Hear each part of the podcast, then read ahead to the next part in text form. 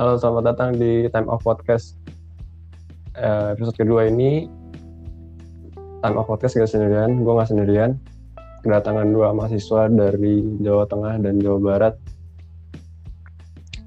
Eh, mungkin bisa kenalin yang dulu, siapa pun. Tidak ada, tidak ada yang ngobrol. Kenalin, nama gue Gokon, gue dari Universitas Diponegoro, bertempat di Jawa Tengah. Halo guys, selamat mendengarkan Love, Peace, and Gaul. Ya, nggak boleh itu punya orang anjing. Oh ya, boleh ya. Lu Gok, Eh, gue ya. Ya, halo semuanya. Selamat, selamat. pakai bahasa Rusia Gol. Pakai bahasa. Rusia. Anjing. Gak, nggak mau ah. Jurusan jurusan sentris banget. Halo, Eh, Bray semuanya. Perkenalin nama gue Dafarel. Bisa dipanggil Bagul juga dari Unpad. Satu, dua, tiga. Lupa. Iya. Kasih backsound, kasih backsound ketawa bajai bajuri dan ntar. Iya, ya. Gak bisa. Gak Nggak bisa, susah. Susah. Harus bisa dong. Biar Ya, jadi. Hmm. di kesempatan kali ini kedatangan dua mahasiswa yang satu udah lulus satu belum ya kan Ya. dimulai dengan pertanyaan dulu ya buat, buat Gogon kali ini buat Gogon eh gue nggak sih buat lu, lu berdua sih selama di daerah perantauan udah berapa kali ngebungkus cewek Buset. Siapa dulu nih? siapa aja Oh gue, gue, gue, gue, gue. Coba versi Jawa Tengah dulu. Nih Jawa Tengah, gue mah gak bandel. Jadi nih gue dulu ceritanya gini bro, gue dikasih tahu sama temen gue ini, lu kalau deketin cewek, lu bawa ke rumah. Nah kebetulan gue punya rumah. Sekarang cocok kan, ya dia gue ke rumah. Pasaran lagi gitu kan. Terus Hmm. dikasih lagi step-stepnya. Lu kalau misalnya deketin cewek ke rumah tuh kalau cewek itu mau berarti itu sabi tuh. Oke, Yo. lu ajakin ngaca. Oke siap. Ngaca. Kenapa ngaca? Karena itu lu berdua kayak deket-deketan tuh. Udah deh gua ngaca nih berdua kan. Ngeliat kaca terus eh kata dia kata teman gua lu lihat abis ngaca lu lihat tinggi badannya. Lu speak speak speak ngomongin tinggi badan lah terus tangan lu ke kepalanya dia kayak gitu. Terus ntar kalau udah lihat-lihatan cium dah udah kelar. Itu teori. Teori. Itu teori teori. Kita biasa dengan praktek kan? Teori beda sama praktek. Hmm. gue bawa deh praktek nih. Bre dateng. Wah cool coolnya nih kan ke rumah. Terus gue karena masih saking polosnya gue lupa step selanjutnya habis ngaca ngapain? Gue diem tuh gue gue diem. Jadi dah gue suruh duduk di ruang tamu kan. Duduk di ruang tamu dah. Tuh gue diem ngapain? Gue mati kutu demi apa pun. Akhirnya gue udah sapu kan. Gue nyapu. Gue nyapu nih gue nyapu nyapu nyapu sama ngepel. Terus udah balik. Balik lagi nih ke atas atas sebenarnya tembalang. Balik lagi ke eh, kampus lagi dekat kampus. Eh, terus gue mikir itu nah gue ngapain anjing? Cuma nyapu doang anjing terus lupa stepnya anjing kayak ya udah di- itu itu kisah pertama gue ada anjing. Dan di situ gue kayak ngerasa fail banget anjing. Anjing teori sama praktek susah bro. Enggak emang dasar polos anjing. Iya sih emang dasar polos. Itu sih kalau pengalaman ngebungkus. Nah kalau yang kedua jadi ngebungkus juga nih. Mau Heeh. nih tadi mau gue jauh-jauh gue jauh-jauh nih ke kota sebelah. Mm-mm. Sebelah mana? di mana tuh ada Iya. itu sih itu dan kota sebelah gue ajak gue ajakin ketemu ketemu ketemu ketemu.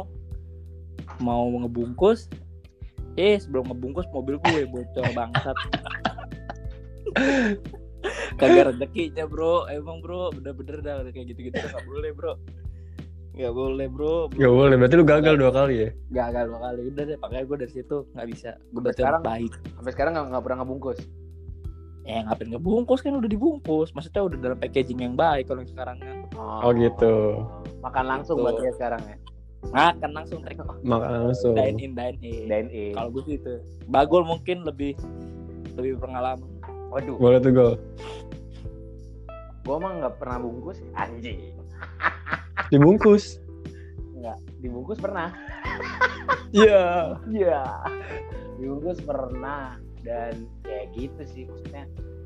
Mungkin kayak kalau ngeliat di kampus gua, maksudnya di lingkungan kampus gua, banyak sebenarnya sih yang bungkus-bungkusan dan tapi nggak tahu ya kenapa gue nih kalau SJW ya kayak suka kasihannya gitu anjing SJW, Iya. Social Justice Warrior. Yoi, suka sosial justice warrior gitu Mm-mm. soalnya gue ngerasa kasihan banget gitu orang dibungkus besok atau kagak ada hubungan apa-apa lagi kayak kagak ada tanggung jawabnya gitu apalagi gue belak belakan aja ya. Karena selama ini juga juga kan ya udah di organisasi kampus mulu nih. Yang mana banyaknya mainannya citra nih gue belak belakannya dah. Mm-mm. yang banyak bener itu bener. mainnya citra bray. Kalau gue udah sering ngebungkus bungkus orang orang banyak yang tahu habis nama saya. Apalagi yang namanya cewek ya kadang pasti aja dia cerita ke temen ntar comel ke mana Iya. ceritanya aneh ntar ditambah tambahin lah. Begini kayak gak tahu angin kampus saya sih yang cerita sebenarnya apa atau ntar pas udah terima nyampe ke kita cerita jadi berubah banget itu yang awalnya A Iya. Z iya kan kayak gitu Hmm. gue sih kalau merhatiin teman-teman gue yang ngebungkus ya ada satu cara paling efektif apakah itu bikin mabuk nah itu Iya. Di mana-mana. karena bikin mabok itu pasti perempuan tidak akan sadar biasanya kayak gitu mainannya mabok tapi tapi apa ya apa ya? tapi tolol lo gol apa ya? kenapa tolol tuh ya cewek berharap apa anjing? Mabuk bareng cowok. Emang kalau udah mabuk dia bakal cuma ngobrol. Goblok anjing kata cewek. Kak cewek-cewek tuh suka mikir kok gue diiniin sih sama cowok pas gue lagi mabuk? Ya lu berharap apa anjing? Ya. mabuk si cowok mabuk cewek mabuk. Lalu juga goblok ceweknya ngapa mau? Tapi tergantung sih. Kalau ceweknya nyosor duluan mah ya gimana? Kita nolaknya juga susah bre. Emang pengen kan? pengen. Cuman kalau udah cowoknya duluan itu bangsat juga cowoknya bray itu yang kadang gue kesel banget yang emang di, ya sebenernya tapi bener sih kata gue maksudnya udah mabuk bareng ya ngapain lagi gitu ya paling seenggaknya kalau udah mabuk bareng ngobrol gitu kan itu kan bisa nah nggak bisa sih anjing Tai. pasti bakal. Eng, gitu- gini loh, kita tuh sering banget kemakan film. Film tuh di sini tuh ya udah lah, lu berdua sama cowok terus lu apa you know having drunk terus ya udah lu cuman cuman peluk pelukan udah itu selesai apa? Ya enggak lah. Iya iya. Makanya sebenarnya juga ya apa ya bias juga gitu. Orang ketika mabuk ya udah pasti pasca mabuk pasti pada musuhan. Ya kalau nggak gitu ngapain diem dieman doang anjing? ya aneh anjing. Dan ya udah gitu. Tapi gue nggak tahu ya gue setiap gue mabuk soalnya malah gue jadi lebih kalem gitu lebih tenang. Jadi bisa bisa nggak kadang jatuhnya jatuhnya Hmm. ngejagain temen gue yang mabok udah over banget ntar gue yaudah ini bocah jangan sampai kubur sama orang lain kayak gitu. Gue takutnya hilaf ribet ntar jadinya ngeblendung perutnya wah meledak waktu semuanya dah tuh. Kita kan kagak tapi ada Tek. tapi ada satu satu hal mabok sih yang sebenarnya kayaknya ngubah perspektif itu semua apa, gitu. apa, apa tuh mabok agama. Wah. Ya wow. Baru satu ayat yang dikuasai semua orang dianggap kafir. Oh. tidak. Tidak. Modalnya cuma satu surat. Iya sih, tapi kalau gua no comment lah, soalnya gua juga agamanya masih kurang sih. Ya udahlah. sama Bray. Gue juga agama masih kurang. Am bingung mau komentar komentar Kan- gini ah kan katanya kalau yang berlebihan tuh nggak baik gitu aja sih. Iya sih. Kalau kalau gua sih prinsipnya jangan terlalu oke lu boleh ngomong agama di depan orang kayak misalnya lu ngasih tahu nih tapi kan belum tentu orang itu bakal seneng anjing. Kan cara berdakwah itu bisa dengan cara yang lain. Bisa dengan pendekatan Mm-mm. yang lebih baik gitu. Oke, dulu aja kan ya wali, udah. wali songo dakwah pakai wayang. Nah biar diterima kan? Iya nggak diterima di komentar diterima dan banyak yang masuk Islam kan jadinya. Apalagi itu dipegang iya Hindu Buddha. Makanya dakwah tuh juga caranya yang kreatif dan keren gitu. Jangan malah ngejelekin yang lain gitu. Ini yang suka suka mindset yang buruk tadi. Orang yang mabuk agama nih wah, itu ketika dia sudah jadi jadi ke sini kita ngobrol ya di mana? Udah bukan ya.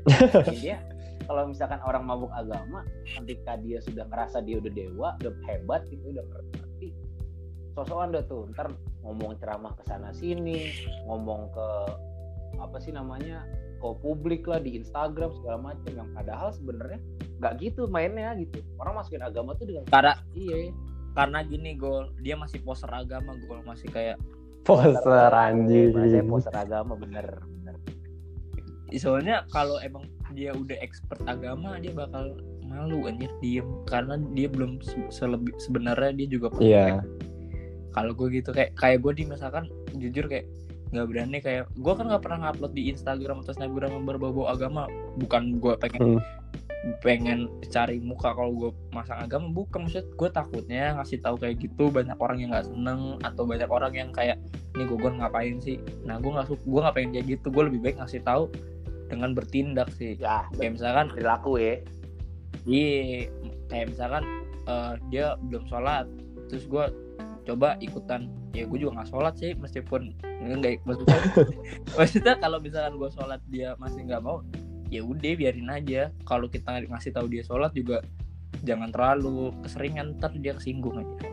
bener-bener dan gue percaya yoi, maaf. ini agak filosofis agama tuh sebenarnya buat diri sendiri bro maksudnya Nah, itu tuh sebenarnya kembali ke Ya. diri sendiri. Kalau diri sendiri menganggap agama itu emang untuk ketenangan hati ketenangan jiwa asik. Kita butuh orang yang disembah bahasanya gitu kan ya. Kita butuh apa ya pelarian. Ya agama mungkin ada solusi yang terbaik tapi ketika ini dijadikan kelompok yang akhirnya merugikan banyak pihak itu yang suka terjadi di agama tuh. Jadinya ada perbedaan-perbedaan agama yang ribet gitu. Gue percaya sih gue pernah nonton videonya di tretan muslim tuh yang dia ke apa yang Buddha itu tuh dia pernah bilang Indonesia ya apalagi orang Indonesia kita ya itu apa Hmm. lemah banget nih dalam toleransi agama karena kita bukan toleransi kita nggak ada tahap penerimaan jadi kalau agama perbedaan agama itu bukan dari toleransi itu dari penerimaan jadi kita harus menerima nah sama lain benar. kalau toleransi doang tuh kita jadi tapi masih masih resah gitu kan matinya aduh nih orang begini gitu. Oh, Eh, kita tapi- terima, tapi- ya udah tapi tapi apa Bray? Tapi gini gol, kalau kata gue mah gol, agama itu bukan untuk ditoleransi, maksudnya ya udah gitu. Maksudnya kayak agama itu urusan masing-masing. Yang kita toleransi adalah kemanusiaan. Maksudnya kayak kayak maksudnya ya udah agree to disagree gitu maksudnya kayak ya udah lu berbeda ya udah nggak usah didebatin anjing orang agamanya udah beda ngapain lu ributin anjing kalau gue gitu sih iya makanya kayak udah nerima aja gitu ya, dengan apa pun yang dilakukan ya udah Mm-mm. terima aja gitu. Maksudnya jangan sosokan kita sama-sama suci lah anjing. Apa sih emang suci? Anjing. Ma- soalnya gini lah. makin lu makin makin lu memamerkan toleransi lu bakal lebih terlihat intoleran kalau kata gue iya iya. Iya, kayak gitu. Bisa jadi. Gue pernah kebaca sih, eh kebaca, ketampar waktu itu gue baca tweet. Seseorang gue lupa sih. Jadi eh, waktu lu itu ketampar dan ibaratnya kayak, kan iya ibarat Oh, kan analogi. Kira lu ketampar tiba-tiba ngeri juga Maksudnya itu sangat membekas di gue gitu bahwa lu toleransi gitu, tapi lu oke lah toleransi sama yang minoritas, tapi lu kenapa nggak toleransi sama yang mayoritas juga? Kenapa? Misalnya contohnya ya, lu minoritas, eh, lu toleransi dengan agama minoritas, tapi kenapa ada orang yang tanda petik hijrah gitu terus lu cak-cakin seharusnya ya udah lu ya udah tetap aja toleransi sama dia. Bagaimana nanti dia berproses silahkan aja gitu nggak apa-apa. Iya, bener. jadi lu bisa harus bisa di titik tengah bagaimana lu bisa nerima yang minoritas lu juga harus bisa nerima yang mayoritas juga gitu. Dan gue percaya bahwa agama itu ya bisa personal antara lu sama Ya. Tuhan aja. Iya bener. Bener bener. Soalnya lu nggak nggak usah apa ya nggak usah terlalu mencampuri soal agama. Soalnya kayak oh iya di luar negeri itu di Prancis itu kalau misalkan ngomongin agama itu adalah hal yang tabu. Kayak misalkan gini lu ketemu orang terus kayak eh, dia pakai hijab terus dia lu tanya deh kayak misalkan eh, lu kamu Islam ya? Dia ah nggak tahu. Karena menurut orang Prancis tuh kayak agama itu ya udah bener kayak kata lu dan antara lu dan Tuhan. Jadi di umum tuh nggak usah tahu lu agamanya apa. Ya. Dan menurut yang penting kita tetap buat baik aja kan? Iya dan menurut gua itu adalah eh, yang harus diterapkan di Indonesia ya nggak tahu ya.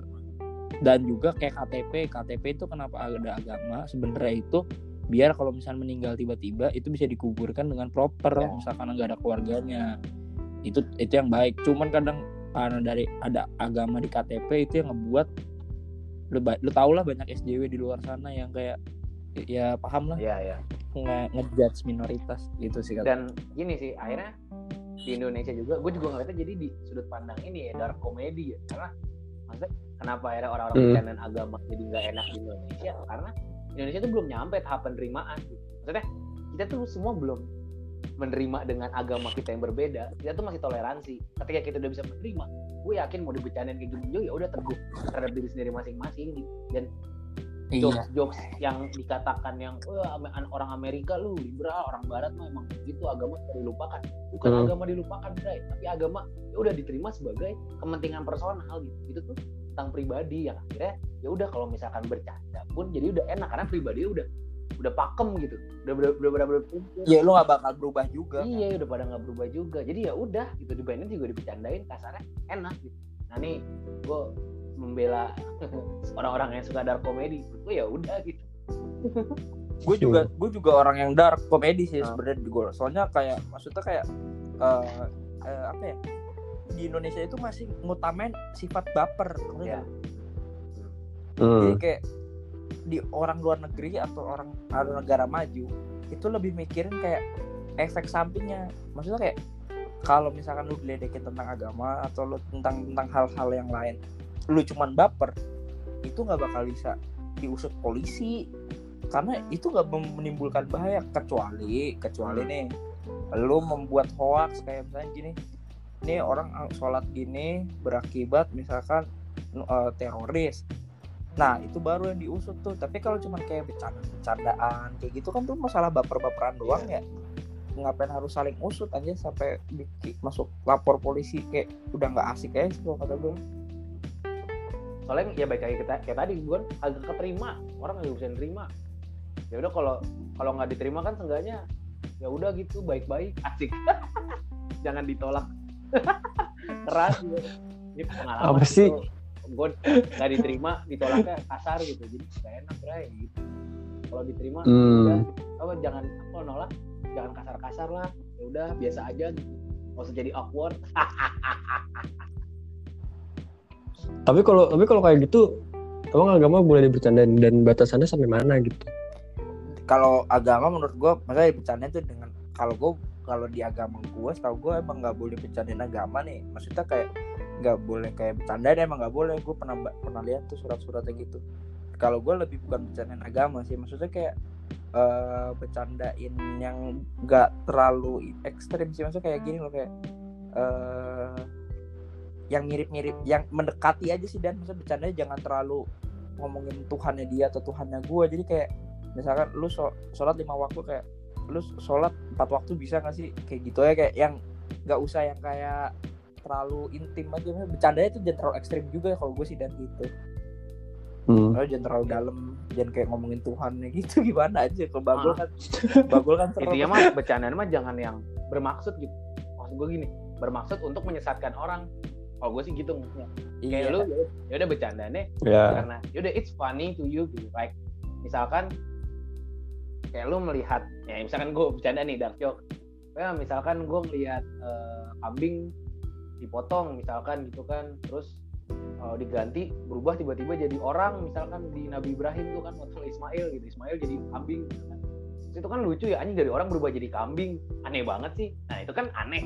Ya udah gitu tapi kita nggak berusaha untuk men- menyesatkan orang lu harus jangan percaya akhirnya dengan ini karena gue bercandain ini bayang jadi kayak ya kita yang maksudnya bercanda Hmm. jangan menyesatkan gitu sih kalau menurut gue Lu tau gak sih kenapa orang dicekal? karena dia baper karena Apa? dia baper Itu kan si eh, pel- apa yang mencekal, tapi yang dicekal korban lah ibaratnya. nggak tahu dan karena dia minoritas Karena dia terkenal anjing. oh iya sih Karena dia terkenal. iya sih bener kalau dia nobody Karena orang yang dicekal tuh kalau terkenal. dia nobody juga ya bodo amat ya Iya gitu. Ngapain lu mau cari apa ibaratnya ngapain penjarain orang yang lu nggak kenal banget gitu. Dan tidak dilihat oleh banyak orang. Kalau penjarain public figure kan enak. Oh ini contoh bla bla bla bla bla. tapi emang berat loh aja jadi kayak public figure gitu anjir kayak. Karena orang banyak yang berekspektasi lebih anjir sama dia bakal salahnya orang berprestasi ya nih ini orang bakal mengarahkan gue ke yang lebih baik. Ya lu jangan berharap anjing. Manusia itu nggak ada yang bisa diharapin anjir.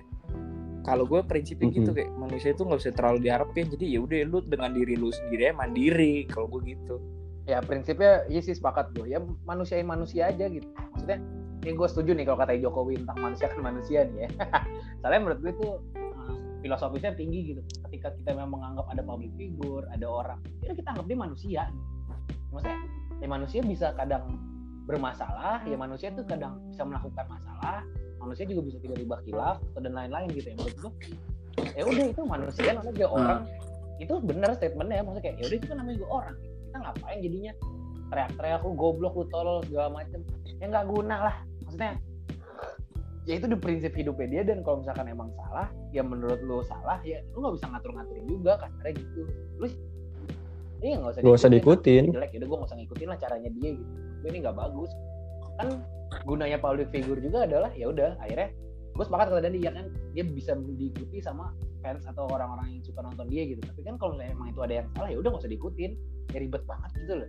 Emang nggak harus figure tuh harus sesuai sama mau lu gitu kan kasarnya gitu. Mm-mm. bapaknya gue Iya, susah benar. ngebilangin dia apalagi lu siapa siapanya? Kan kasarnya gitu.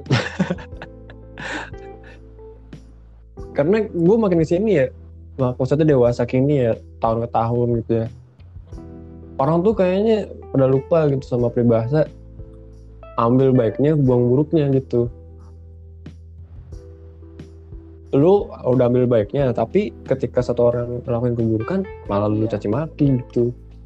Sama sudut pandang mikir juga sih dan. Karena orang mikirnya sekarang Mm-mm. antara iya dan tidak anjing. Maksud gue kita tuh sekarang harus pikir baik dan buruk. Maksudnya ketika memang itu ada buruknya apa sih kebaikan yang kita cari dari sana? Dan ketika itu baik. Apa keburukan? Dan akhirnya kita menganggap segala hal itu rumus kayak positif dan negatif. Itu mah mempermudah keadaan aja anjing.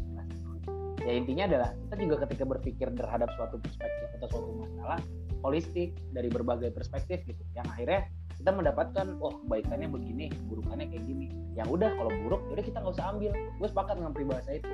Cuma memang bener orang-orang kita tuh nggak pernah dipakai. Dan solusinya menurut gue adalah lu harus mikir dari berbagai sudut pandang. Harus holistik. Iya. Iya. kayak misalkan nih ada masalah tentang orang nyakal agama kan gitu. Mem- membandingkan agama ini dengan agama dia gitu misalkan. Dah ya udah itu lo harus berpikir berbagai perspektif kenapa sih dia kayak gitu? Oh karena dia politisi misalkan. Dia mau kelihatan dia tuh baik. Oh misalkan dia perspektif psikolog oh dia punya permasalahan nih dengan psikisnya dia misalkan. Atau gimana. Yang akhirnya kita juga bisa melihat dari sana gitu ya. mana oh akhirnya ini banyak buruknya kebaikannya sedikit tapi seenggaknya dia baiknya ini. Jadi kita akhirnya bisa melihat segala hal eh, positif bukan positif ya. Ya baik-baik aja gitu. Di dunia ini jadi damai anjing nggak ada kisruh-kisruh yang nggak jelas nggak jelas lagi gitu. Lalu makin ke sini kisruhnya makin nggak jelas. Jadi nyari masalah mulu. Dan media bangsat dibikin mulu iya framing framing. Framing framing gitu ya. Oke deh. Dari bahas ngebungkus ngebungkus ngebahas agama ya. Udah ke mana-mana lah. Mantap juga. Asik. Gon Ada. ada Gon? Kagak. Tidur. Tidur aja. Bencong belum dandan. Parah lu kalau ngomongin toleransi mah nggak ada habisnya sih. Itu kayak toleransi itu dalam dosa dan kalau, kalau kata gue mah bertindak aja lah. Kayak kalau lu masih belum bisa bertindak dengan apa ya kayak setuju dengan orang kayak apa nggak bisa kayak lu maksud gimana ya gue nggak bisa nyebutin agree to disagree ya itu intinya. Kayak, kayak intinya kayak Iya. lu ngeliat orang yang berbeda dengan lu ya udah biarin aja. Toh nggak ngeganggu lu kecuali lu diganggu diganggu sama dia disesatkan lah ya bahasa kalau kasarnya ada yang disesatkan lah ada yang dirugikan gitu kan. Iya kalau gue gitu. Mungkin dibekap ya udahlah. Di gogon kayak dibekap Mm-mm. maling dah. Dibekap penculik kan nih ngomong pak. Mendem mendem banget. Mendem gak agak tadi mendem banget lu ambil tiduran lu kagak abis abis abis nyongyang kali mendem Mm-mm. sih iya iya yongyang iya nih gue mau nanya dak menurut lu pada staf khusus presiden yang milenial penting gak sih? aduh aduh aduh aduh Lu jawab gak? Gue mau nanya. aduh Gol. aduh aduh gimana ya aduh lu dulu dah dan lu dulu Gue dulu apa lu dulu? Kalau penting dan penting, ya pada awalnya sih penting. Maksudnya gini, namanya staf khusus presiden yang dengan angkatan milenial ya, maksudnya angkatan kelahiran milenial. Gue juga lahir di angkatan milenial- milenial juga, ibaratnya wah ada ruang nih terbuka lah akhirnya nih. Ada pemuda-pemuda yang masuk dalam ring satu lah berarti gitu.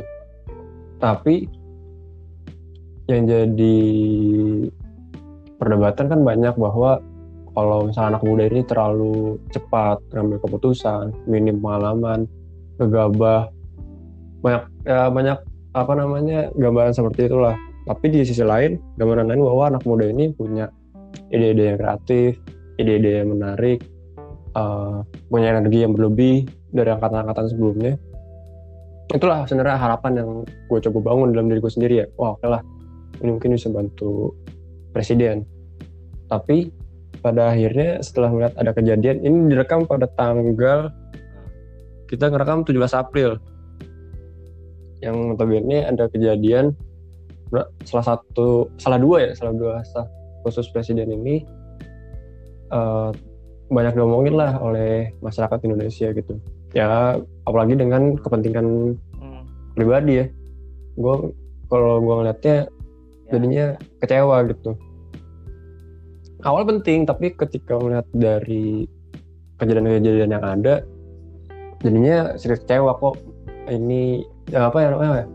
Masalahnya malah begini loh, bukan masalah yang lebih uh, nilai-nilai gitu, lebih dalam menyelesaikan suatu hal gitu. Jadinya agak sedikit kecewa. ya Karena banyak banget PR gitu kan, yang harus dikerjakan. dan bener ya gue gue sepakat kata Dandi secara tidak langsung memang pemuda itu gegabah Maksudnya gitu. Uh, kalau gue ngeliat sejarahnya Indonesia Indonesia ini kan dibangun sama pemuda katanya ya nggak sih? ya kan? Gue sih nggak tahu ya. Ini gue Hmm. gue bukan orang yang ahli sejarah atau gimana cuma gue lagi cuma menyampaikan asumsi Kak, zaman dulu itu Soekarno bisa memerdekakan Indonesia sama sama Bung Hatta. Itu kan dia prosesnya gue diculik dulu sama pemuda. Yang akhirnya pemuda minta gencer Hmm. supaya untuk sebenarnya pemuda tuh bagus. Secara tidak langsung dia ingin apa apa tuh cepet dan bisa dengan clear dengan waktu yang secepatnya tapi di satu sisi pemikiran yang berbagai sudut pandang ini yang suka dilupakan pemuda. Yang akhirnya pemuda tuh jadi gegabah melakukan apa pun. Yang akhirnya ketika dia melakukan apa yang sebenarnya baik menjadi buruk. Karena dia tidak berpikir dari berbagai perspektif. Akhirnya banyak blunder yang terjadi. Ya kayak yang kita tahu kan salah satunya staf presiden yang Hmm. Akhirnya memanfaatkan jabatan untuk eh, kepentingan pribadi bener kata Dandi yang akhirnya dia sebenarnya mungkin secara tidak langsung kita mungkin dia baik maksudnya untuk menyebarkan kebaikan ke masyarakat bermanfaatan ke masyarakat. Tapi karena akhirnya eh, dia juga punya kepentingan pribadi yang dia belum ngerti nih mainannya politik Indonesia lah kasarnya jadi kayak gitu gue menganggap maksudnya politik Indonesia yang akhirnya kita nggak boleh nih terlalu nge-expose banget-bangetan yang akhirnya punya kepentingan pribadi. Yang akhirnya masyarakat pun sadar. Nah, akhirnya jadinya bukan kebermanfaatan jadinya banyaknya penuh kekecewaan. Jadi menurut gue sebenarnya ketika ditanya kalau pertanyaannya butuh atau enggak gue sih menganggapnya butuh. Karena presiden ini butuh orang-orang apalagi orang-orang tua gitu ya kaum tua butuh pemikiran muda biar kalau ngerjain apa-apa tuh cepet biar gak lama Nah, Iya. itu benar. tapi ya Dari segi itu benar. Tapi ya gitu, akhirnya banyak gegabah. Jangan juga sepenuhnya diikutin. Kita juga harus pahamin bagaimana Iya. keadaan dan Setuju. pengecekan. Maksud gua, iya, makanya maksud gua kenapa ini surat terbit? Gue juga jadinya menyalahkan atasannya dia atau ya gue bilang presiden. Kenapa? Kok nggak dicek gitu? Nggak ngontrol. Iya nggak ngontrol.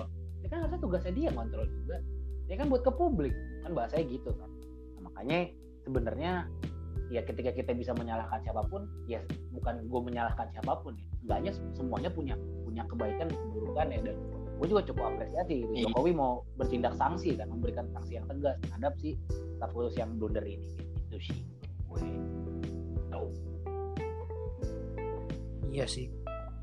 Emang kalau lu gimana Gon? kalau gua lebih kayak ke ini sih.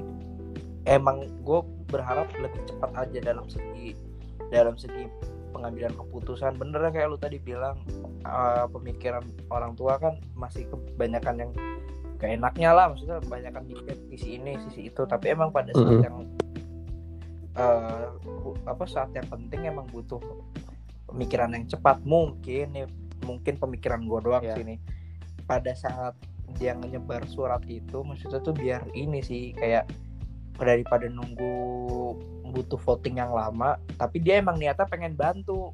Bisa jadi kayak gitu ngeri gak sih? Pengen niatnya emang pengen bantu makanya Mm-mm. jadi dia minta tolong ke kades-kadesnya itu.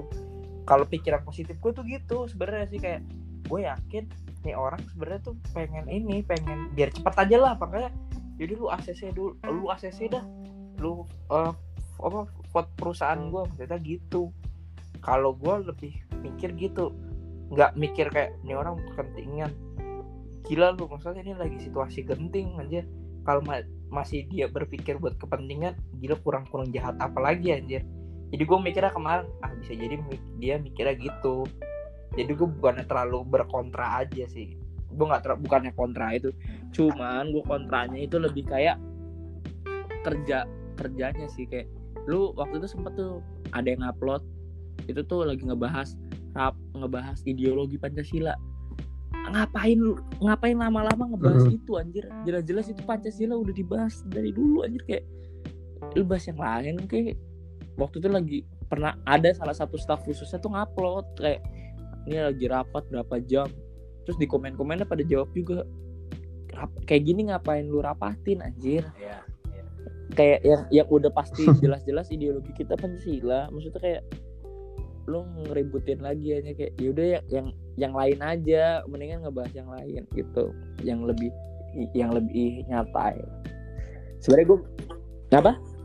Biasanya tapi Gon kalau kalau ngomongin ini ya ma- apa soal pancasila pancasila ya biasanya yang selalu digoreng tuh ini. Kalau biasanya biasanya tuh pemerintahan tuh selalu punya pendidikan. Pendidikannya tuh lewat-lewat dinas-dinasnya iya itu. gue pernah ikut tuh sekali sekali.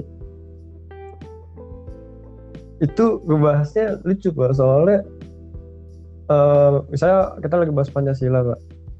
Itu selalu selalu menggiring hal-hal yang kadang tuh di, tidak bertanggung jawab oleh sang pendidik gitu loh, sang penyelenggara gitu. Jadi misalnya dilempar, oke Pancasila, Pancasila ini sekarang yang salah sistemnya atau orangnya. Sedangkan ini pembahasan dari udah zaman bahala gitu, dan itu biarkan bola itu mengalir begitu aja semakin besar semakin besar, tapi tidak ada penghancur bolanya itu. Untuk akhirnya oh maksudnya ini loh dari pertanyaan itu. Nggak ada. Itu jadinya mungkin selalu gimana ya? Ya mungkin mereka nggak penting juga tapi Pancasila harus tetap digaungkan. Pancasila buset. Kagak ada habisnya Bray. Ngomongin katanya Pancasila jauh dari agama. Iyalah. Tapi ada yang bilang ya Pancasila itu isinya adalah agama ya sebenarnya kita jangan mikirin oh gue gini. Gue sepakat dengan adanya Pancasila sebagai ideologi Indonesia. Tapi yang harus kita pikirin adalah implementasi Bray. Implementasi. Nah Sebenarnya- bener. Bagaimana lu Iya, memperlimitasikan memang. ke kehidupan lu sehari-hari? Ah. bagaimana lu tenggang rasa sikap gotong royong? Yang itu. Iya. Kalau apa lu ngomong apa lu? Iya iya iya kayak kayak gitu gitu Ah, ah. gol kayak kayak sila kelima kan nilainya misalkan lu nggak boleh hidup mewah-mewah lu harus memikirkan saudara lu terus sila ketiga lu harus mengedepankan persatuan apa kayak Indonesia di peringkat pertama lah misalnya lu kayak produk-produk ya Indonesia kayak gitu-gitu Iya. sih sebenarnya jadi itu masih banyak yang nggak bisa nerapin itu sih kalau makanya sebenarnya ketika itu ditegaskan untuk menjadi implementasi baru gue bener misalkan pada akhirnya contoh prakteknya oke setelah staf khusus rapat itu dia nyatain tuh misalkan kalau kita ngomongin staf khusus. Oke staf khusus presiden udah ngerapat tentang ideologi pancasila dan penerapannya ketika menjadi staf khusus presiden. Itu yang harus dirapatin. Nah dan iya gimana tuh. manfaatnya output dan outcome dan manfaatnya bisa terasa ke masyarakat yang kayak gitu-gitu loh. Maksudnya akhirnya nah. jangan kita mikirin untuk memperdebatkan isi dari Pancasila itu udah final. Dan itu udah, Iya. udah paling menurut gue udah paling cukup di Indonesia. Tapi- dan tapi gue nggak tahu ya dia waktu itu ngebahas lebih gue udah lupa soalnya kayak dia ngebahas apa cuman maksudnya intinya tuh ngebahas pancasila. Cuman maksudnya gue lebih ya bener banget gue mendingan ngebahas yang itu ngebahas yang kayak uh, outputnya. Misalkan ngewajibin misalkan buat uh, me- mengedepankan brand lokal lokal Ya. brand cuman nih kadang nih tai nih lokal brand tai kadang tuh ngambil kesempatan itu buat ngejual mahal-mahal anjing itu tai itu kadang Iya. yang gua nggak seneng juga apa Makanya punya duit, Gon. ya maksudnya dia ngejual Makanya punya dia duit. tahu kata orang Indonesia kenapa harus ngejual mahal banget anjir sampai juta-juta Gini ya. Kalau kalau ngomongin bisnis tuh pasti panjang lah dan kita bukan pelaku bisnis kecuali lu ya yang Iya nasi Apa? nasi nasi lah. Iya nasi ya udah tutup sih. nasi uduk racing. ya pokoknya gue pelaku UMKM lah. Ahli. Iya. Gue mikir kadang kalau misalnya nih ya. Oke lah sebut lah merek lah si Kompas itulah ya. Kompas desainnya banyak yang suka. Harganya relatif murah. Kalau semuanya bisa beli nih Iya. ngejangkau, terus semua orang tuh pasti beli Kompas, Pak. Dan secara estetika di jalanan tuh menurut gue Iya, anjing Ya, semuanya meskipun pakai Kompas banget sama kan semua. Ini yang mirip Ventela. Ya sama aja. Kalau nggak pakai kompas, pakai ini aja apa? Tempo, warna kota. Ini ngomongin apa sih? Oh, sepatu. Oh, Iya. Unpad. Satu, dua, tiga, empat. Ya itu sih sebenarnya ben- ya intinya gue belum ngerasain aja sih ini mana nih kinerja dari staf khusus itu doang Iya, sebenarnya itu iya. doang sih ini Cuman, mana jadi ya berharap lah Berarti lu mengharapkan Gua berarti ya? nih sistem administrasi di dinas-dinas itu lebih cepat bro kayak misalkan gue mengurus ini ngurus itu emang lama banget kayak ngaret tapi gue ya gak bisa juga karena yang namanya eh, birokrat itu terke- terkenal dengan yang Ya. lelet emang banyak proses jauh. emang birokrat seperti Ya. itu Mak- Iya. iya emang ya maklumin cuman kan ya namanya juga gue masih muda ya pengennya cepet anjir itu doang sih kadang ya emang ego doang sih gue kayak ayo main cepet lah gitu Ta- ta- Tapi emang menurut gue juga ada kesalahan sih tentang birokrat di Indonesia ya. Karena menurut gue kita tuh kebanyakan stakeholder. Gue kebanyakan pemangku kepentingan yang akhirnya ada badan, ada kementerian, ada DPR, ada DPRD, ada DPD, dan akhirnya kerjanya ujung-ujungnya apa? Gabut. Itu yang gue kesel. Terus yang mau lu hapus apa, Gol? Gini deh, gue Yang mau lu hapus deh, misalnya lu kasih kesempatan, hapus deh satu. Gak tahu presidensial, gak tahu parlementer.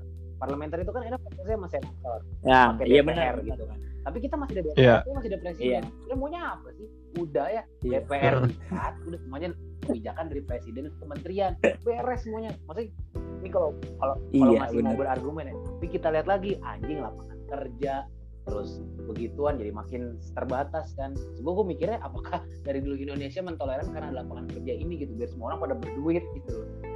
Karena deh apa apa ya? Ya dia karena maksudnya Terus, pemerintah terus, kan sadar sendiri ya bahwa akhirnya Indonesia makin terbelakang dari negara-negara asing yang udah maju banget. Akhirnya mereka akhirnya mencari kesempatan untuk mereka jadi kaya. Ya udah Mhm. lapangan kerja dibuka. Cuman Nih. akhirnya ya udah yang senang ya orang-orang pemerintah lagi. Sat- satu nih satu yang bikin in- menurut gue Indonesia nggak maju-maju. Masih banyak keenakannya asli. Nggak enak ini nggak enak itu nggak enak ini nggak enak itu. Jadi nggak maju-maju. Maksud Iya. kalau gue masih masih ngedepankan ya tadi intinya ke Bali yang kayak tadi awal. Kalau gue pengen narik ini kayak Semuanya semuanya kalau- nggak enak. Agama nggak cewek ya enak nggak bungkus enak. cewek. Gak enak. Apa sih? Katanya kembali lagi ke awal. Apa nih yang yang tadi ngebahas itu yang ngebahas Tahu lu Gon gimana sih? kalau misalkan ya agama ya kan setelah setelah setelah itu toleransi tuh. Toleransi itu nah maksudnya Indonesia tuh harusnya sampai taraf yang yaudahlah nggak usah kebanyakan gak enak kayak ngapus di- ngapus bidang ini ngapus bidang ini ntar nggak enak banyak pengangguran. Ya ya emang gak efektif mau ngapain anjir? Banyak dinas-dinas yang mungkin gak efektif ya udah dihapus di merger aja jadiin satu jadiin satu Iya. jadiin satu gitu banyak kayak integrasi ya jadinya ya. Jadi mempercepat segala hal. Itu juga iya. kebijakan jadinya ribet banget Bray. Ya nggak sih? Kasarnya gini nih bottom Hmm. up kita mau ngurusin dari rakyat ke pemerintahnya susah. Pemerintah ke rakyatnya juga susah. Jalurnya panjang banget ya presiden ntar kementerian harus ngomong ke DPR ntar juga kementerian presiden harus ngomong ke ke daerah harus ngomong ke kota baru ntar baru bisa daerah pun ngomong lagi sama DPRD-nya kota ngomong juga sama DPR ah anjing banyak banget puyeng bray. Dan lama jadinya apa apa tuh. Makanya emang harus ada orang yang berani tegas sih buat semuanya itu biar bisa dipotong. Gua nggak tahu posisinya apa cuman harus ada satu posisi yang bisa motong semuanya itu sih Oh iya sama satu sih.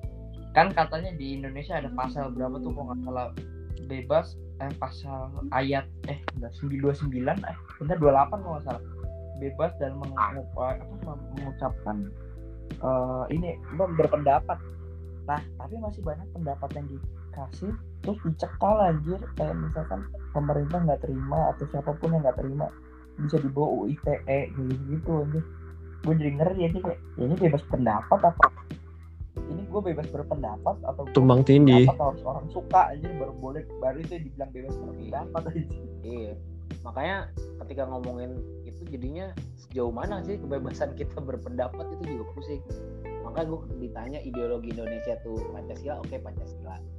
Cuman kan ini kan biasanya lebih ke arah demokratis ya yang berbau akhirnya rakyat bisa berpendapat ada, pendapat bottom up lah ya dari rakyat dari untuk pemerintah. Cuman Hmm. ya ketika memang akhirnya banyak batasan-batasan dan undang-undangnya pun jadi nggak jelas gitu. Dan setiap kewenangan presiden punya hak untuk merubah-merubahnya lagi dan kita nggak punya peraturan pasti sekarang kalau kita lihat dari yang paling dasar dan paling fundamental lihat aja UUD 45 gitu kan. Tapi kan ya UUD 45 udah nggak kasarnya bisa banyak yang nggak relevan di zaman sekarang gitu. Tapi akhirnya ya udah jelas banget di 45 kan ya setiap orang berhak atas kebebasan gitu. Hmm. mengeluarkan pendapat gitu ya. Ya udah gitu. Tapi akhirnya dimodifikasi nih dari tiap-tiap tahunnya. Yang akhirnya udah nggak tahu nih sekarang kalau bisa berpendapat batasannya di mana. Dan akhirnya nyasarnya ke UITE ntar lagi juga ntar nyasarnya ada. Dulu zamannya Pak Harto ngomong dikit diculik. Ya kan kasarnya gitu kan. Makanya ya ya udah siapa yang ber, siapa yang berwenang aja ntar yang bisa ngerubah itu. Dan gue bingung kapan negara jadi demokratis kayak gitu kan. Dan kapan negara punya ideologi yang jelas. Karena Pancasila pun Hmm. juga akhirnya susah untuk untuk diterapkan gitu. Karena di Pancasila pun sebenarnya menurut gua hal-hal demokratis malah cenderung eh, kenapa gue bilang bukannya tidak ada ya. Cuman cenderung mengarahnya sebenarnya hal-hal yang musyawarah gitu. Hal-hal yang ya gue ikut musyawarah mufakat nah hal-hal apa yang dilakukan harus berdasarkan musyawarah gitu. Sedangkan demokratis susah untuk ada forum untuk musyawarah segala hal gitu kan. Yang akhirnya kebijakannya ya jadi bingung gitu. Kita mau demokratis atau mau apa gitu. Gue pernah nonton Metro One ya. Eh ini nggak apa-apa kan nyebut merek ya nggak apa-apa. Iya iya. Terus di situ tuh ada yang nyampein ini dan Apa? Apa? Kan kita bukan siapa? Siapa. MPR tuh kalau nggak salah ada yang menyatakan bahwasanya ideologi Indonesia itu liberal. Nah, gue juga bingung apa sih Indonesia itu maunya apa sih? Gitu. Kita tuh punya Pancasila, punya liberal, punya ini. Sebenarnya apa sih mau dipakai sama negara ini? Hmm. Karena kita kalau ngomong kejauhan untuk segala segala macam fundamentalnya juga goblok. Ya kita nggak bisa ngejalanin apa-apa gitu. Jadi kita tuh bernegara nggak punya tujuan fokusnya ke mana gitu negara ini. Dan akhirnya kebijakan-kebijakannya juga ya udah suka-suka yang berwenang aja. Gitu. Akhirnya ngaco semuanya.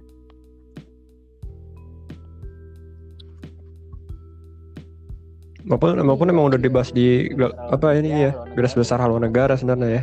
akhirnya jadinya sekarang udah berantakan aja semuanya gitu penerapan penerapannya udah nggak jelas.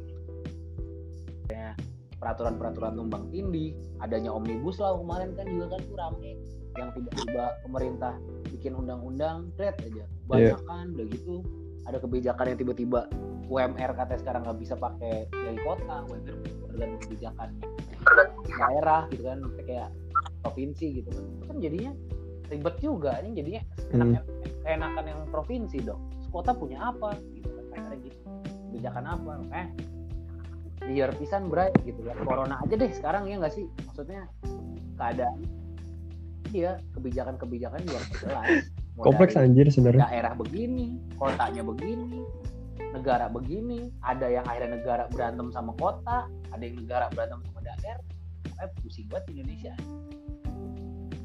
Iya. Tapi setiap tapi nggak setiap periode aja. Maksudnya nggak setiap nggak cuma periode ini aja gitu menurut gua. Dari Iya. sebelum-sebelumnya juga pasti setiap periode punya permasalahan sendiri-sendiri gitu. iya iya dan Selalu punya dosa masing-masing lah ibaratnya. susah sih ngarepin yang sempurna ya maksudnya kita berharap dengan negara yang akhirnya semuanya segalanya perfect dan kondisinya benar gitu. Tapi seenggaknya maksud gue kita tuh harus mikirin sama yang dasarnya juga loh. Kita punya teguh kuat di sini perjalanan kita ke mana pun enak gitu. Dan negara ini akhirnya tersusun dengan rapi mau dengan periode-periode berikutnya. Kenapa gue bilang kayak gitu? Karena gue ngelihat US ya yang akhirnya dia punya dasar yang jelas. Akhirnya kebijakan-kebijakan berikutnya ya udah nyasarnya cuma hal-hal teknis gitu yang, yang dipermasalahkan bukan hal fundamental lagi kalau kita kan fundamentalnya berantem teknisnya juga Hmm. berantem. Semua.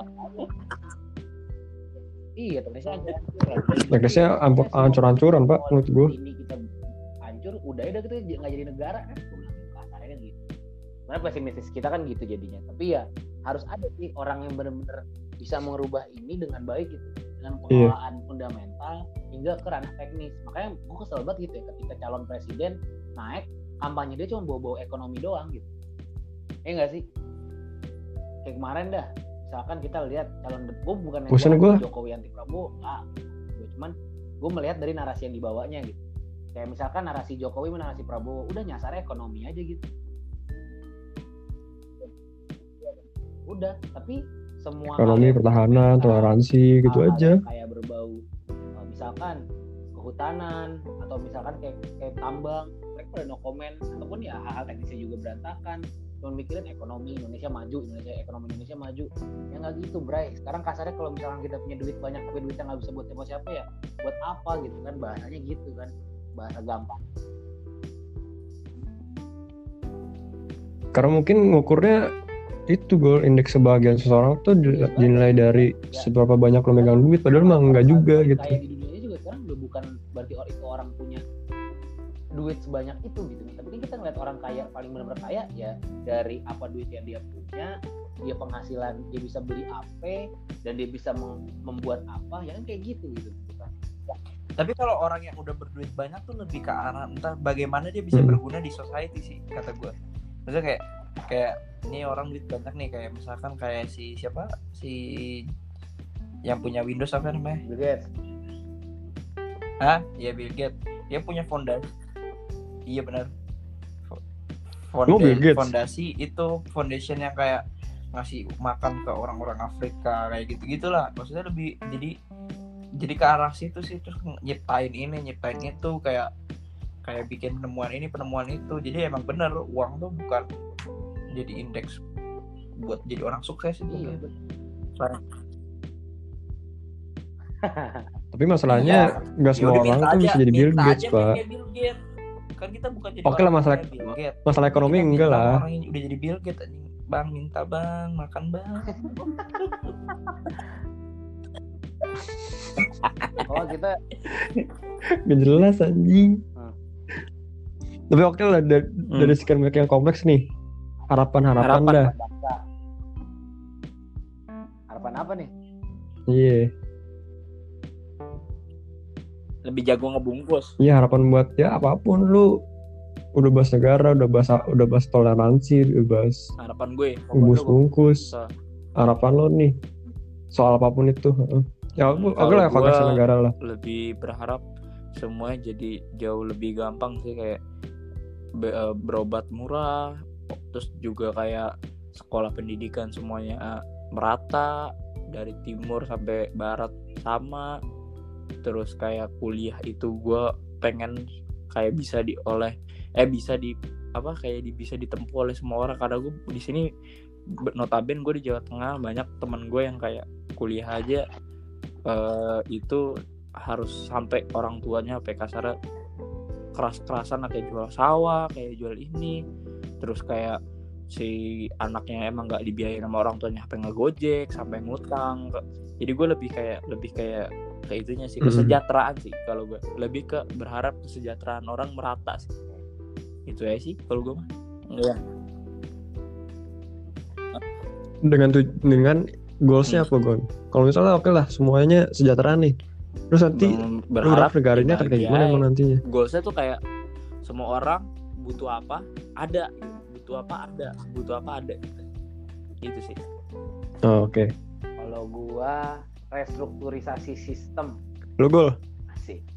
Maksudnya apa sih sistem apa? Lebih ke arah bagaimana akhirnya gue konteksnya ini dunia negara provinsi wilayah daerah kota bahkan komunitas bahkan ke diri gue sendiri gitu yang akhirnya kita membuat sistem atau mindset yang baru terhadap kemajuan segala hal gitu yang gue harap harapannya adalah goalsnya semua orang semua di bumi ini di alam semesta ini sampai diri gue itu bisa merasakan kenyamanan ke indah apa ya kesuksesan atau keberhasilan dalam apa yang dilakukan gitu. Baik itu secara pekerjaan secara hasil pendapatan atau misalkan secara keselamatan diri gitu, yang akhirnya tentang kesehatan tentang makanan tentang hal-hal yang dibutuhkan secara sandang pangan sandang terus papan pangan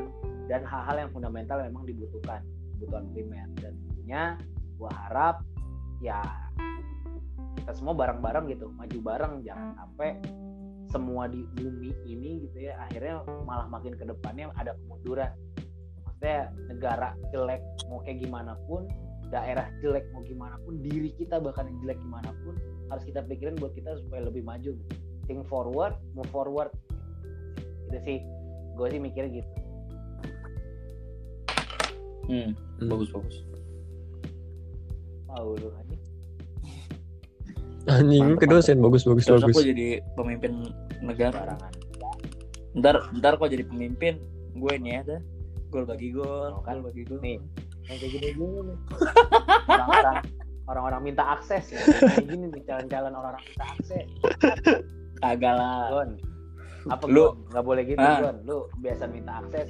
Calon-calon KPK lu baju lu ntar lu oren lu baju lu tiap hari lu baju oren mau. Gue so, gue soalnya orangnya bis- bisnis banget bro, kayak gimana ya? Kayak. Nah, kayak gitu dah lu. Makanya naik catering ya buat makan siang DPR ya. Itu gue cuma kayak minta gini ya. Gue lu minta gue minta jatah konsumsi beli di gue gue dengan harga normal gue Oh. gitu gue. kalau enggak Ya, Harga kan normal anjing. makanya Lo tutup. ini, Bray. tau nggak mainnya main main orang juga cari celah lu kenalan sama orang-orang BEM IMA minta celah dong buat konsumsinya dari lu gitu loh Tapi gue gue gue nggak gue nggak aktivis banget aja kayak Susah aktivis Gon. aktivis yang kayak meneriakan suara-suara mahasiswa gitu kalau gue jujur kayak lebih kayak yuk ngambil momen aja anjing ini mau ini momen gue lagi naik nih nama gue jadi ketua panitia ini nah momen itu gue pakai buat apa buat gue jualan anjing kalau gue gitu aja kalau bukan si, Oh, orang-orang jujur gitu ya? nggak bisa gue nggak bisa kayak eh selalu kayak misalnya lagi demo nih kayak ini junjung tinggi ini junjung tinggi apa masyarakat ini nih. Gue tuh kadang nggak bisa aja nggak bisa terlalu totalitas. Soalnya gue masih mikir kayak eh, kayak mikir ah gue kalau terlalu ini ntar gue takutnya ketangkep.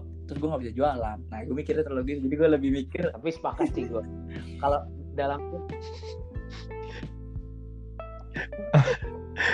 Turun ke turun enggak, turun ke lapangan bawa bawa kartu nama bang bang catering bang. penting gue masih lebih mikir aspek aspek situ sih makanya Iya, gue menjalin hubungan baik dengan bendera merah dan bendera putih.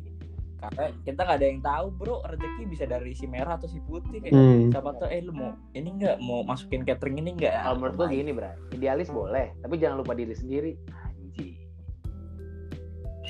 Cakep Itu, cakep. Bray. idealis boleh. Kita punya pikiran ya. tapi jangan lupa diri sendiri. Iya tapi jangan Hmm. lupa diri sendiri. Kayak dosen. Mati sama Lele doang. idealis mah udah ya nggak jangan gitu lah. 8 orang gue 8 orang datang apa orang. Apa, dah itu kayak panutan lu eh siapa? Kalmak, Kalmak ya? iya yo pas matinya iya lu mau matinya yang datang cuma 8 orang. Udah gitu hidup lu banyak utang anjing gua mau ogah gitu kan. Itu kasarnya gitu realistis aja udah idealis boleh. Itu mikirin diri sendiri. Itu. Kalau diri sendiri yang di idealis itu nggak guna mah ngapain gitu ya misalkan nih ada nih demonstran iya kan Bray? Dia di idealis nih teriak-teriakan. Gue yakin dia masih mikirin diri sendirinya juga. Ada sokongan iyalah. ada support yang akhirnya dia bisa turun. Dia sadar. Iya biasa beasiswa. Beasiswanya tapi kadang nggak beasiswa pendidikan dah Oh beasiswa biasanya. Be- beasiswa kehidupan. Biasanya beasiswa itu ah, bisa dipakai buat beli makan beli rokok Oh, terus rumah. bisa buat traktir temen bisa ke, bisa ke Holy Wings nah itu tuh nah, itu tuh suka, suka hasil hasil beasiswa yang turun ke jalan tuh kadang-kadang Anjing. Aku. untuk terakhir terakhir Terakhir dan tuh untuk terakhir kan iya. Bridgingnya sangat tidak baik ya. Udah Nyanyi kan? nyanyi nyanyi ada kalimat terakhir terakhir anjing. ini orang iya orang gue udah nih ngomongin jam lama-lama. 20 menit juga kayak ogah nih. orang mah kerja hei kerja. Gitu ntar kita. Rumah dia tingkat akhir kagak mikir kerja apa ya ya ya ulah ngomongin negara. Duit eh duit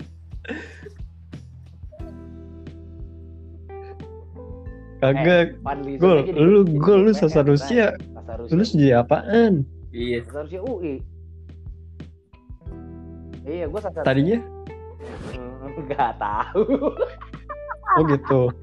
Lu mau ikutin. eh Iya. Ya, Instagram fans fans Sassuolo. Eh, ternyata Gua nggak follow. iya gue gue selain fans eh, Kau nge-follow Milan, Sassuolo tim ternyata.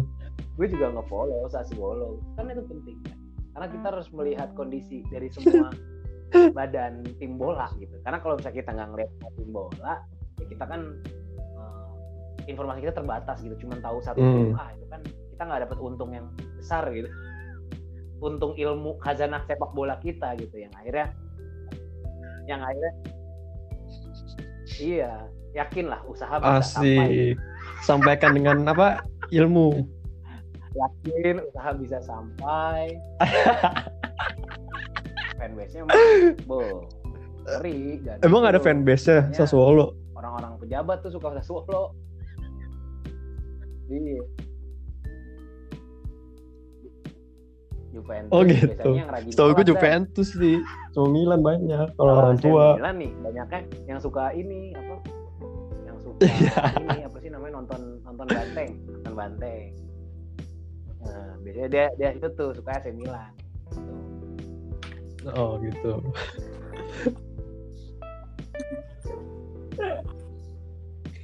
ya udah deh.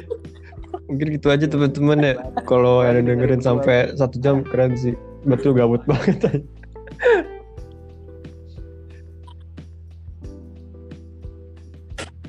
Nanti di episode berikutnya Iya, kalau Bang. bareng lagi 30 menit 12 menit aja lah. Mau ini kita nge-review boba aja tuh. Episode berikut. Boba Tiger. Boba Tiger. Review boba-boba tuh. Dio mana ya Tapi lo, Eh Sabi, tapi lo tahu Dio. Sabi tuh bilangnya bilangnya Audio, enak, anjing. Enak. Apaan, Bu? Kan nggak tahu dia beli apa kagak. ini, ngomongin apa sih boba ya ya ya maaf maaf gua kagak fokus aja di akhir Udah. Kelamaan kayaknya udah ya udah selamat happy selamat Iya, malam, asli. selamat Ya udah. ulang tahun Selamat selamat Seminggu apa sih? seminggu lagi puasa loh eh seminggu lagi iya puasa bre Ya. ya udah Selamat malam. Ya udah gak apa-apa. oh iya benar benar Biasanya kalau puasanya kuat Puasa. ini makan siang-siang. Benar benar sama rokok Yap. rokok. Yang buburitnya ini minum kopi. Good night oh. everybody. yes love you all Ya udah, makasih teman-teman semua ya. Iya, Yo, mas